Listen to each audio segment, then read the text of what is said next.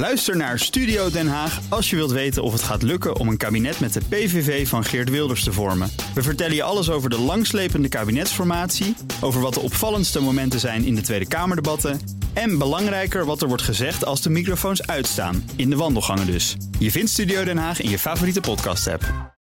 De column van Bernard Hammelburg. Op een paar landen na kun je zeggen dat vrede, veiligheid en welvaart Afrika nooit hebben bereikt. Een groot deel van het continent heeft de boot gemist, wat in het Westen leidt tot een gevoel van machteloosheid en daarmee onverschilligheid. Aan het drama in Soudaan kunnen we simpelweg niets doen. Maar het gevolg, een enorme vluchtelingenstroom, is wel degelijk ons probleem. Zuid-Soedan heeft bemiddeling aangeboden en hoopt op verlenging van de huidige wapenstilstand, die nog geen moment is nageleefd. De VN houdt rekening met 800.000 vluchtelingen, waarvan een groot deel zal proberen naar Europa en Amerika te komen. Ze vluchten niet voor een burgeroorlog, maar omdat twee rivaliserende krijgsheren met hun legers elkaar bestrijden. Daarbij zijn vele honderden krijgers en burgers omgekomen en vele duizenden gewond. Maar op de achtergrond speelt de haat mee tussen etnische groepen, met de Arabieren als meerderheid en volkeren als de Foer, Beja, Nubiërs en Falata als minderheid.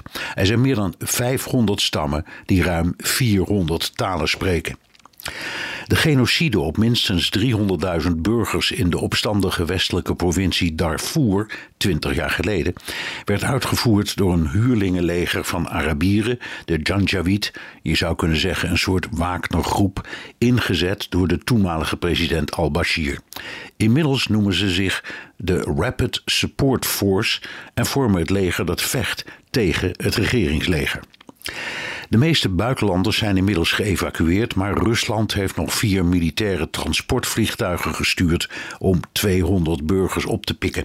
Omdat het vliegveld van Khartoum voortdurend onder vuur ligt, zijn de reddingsoperaties levensgevaarlijk. Ook de haven, Port Sudan, is onveilig. Maar het meest tragische is en blijft dat de burgers er niets aan kunnen doen. Het overkomt ze en ze zijn machteloos. Jan Pronk, oud VN-gezant in Sudan, sprak bij BNR de hoop uit dat China zich als serieuze bemiddelaar opwerpt. Prima idee, want dat land heeft goede betrekkingen met een aantal Afrikaanse landen. Maar ook Xi Jinping kan de krijgsheren niet dwingen meest urgente vraag voor ons: wat doen we met die nieuwe stroom vluchtelingen? Want die komt eraan.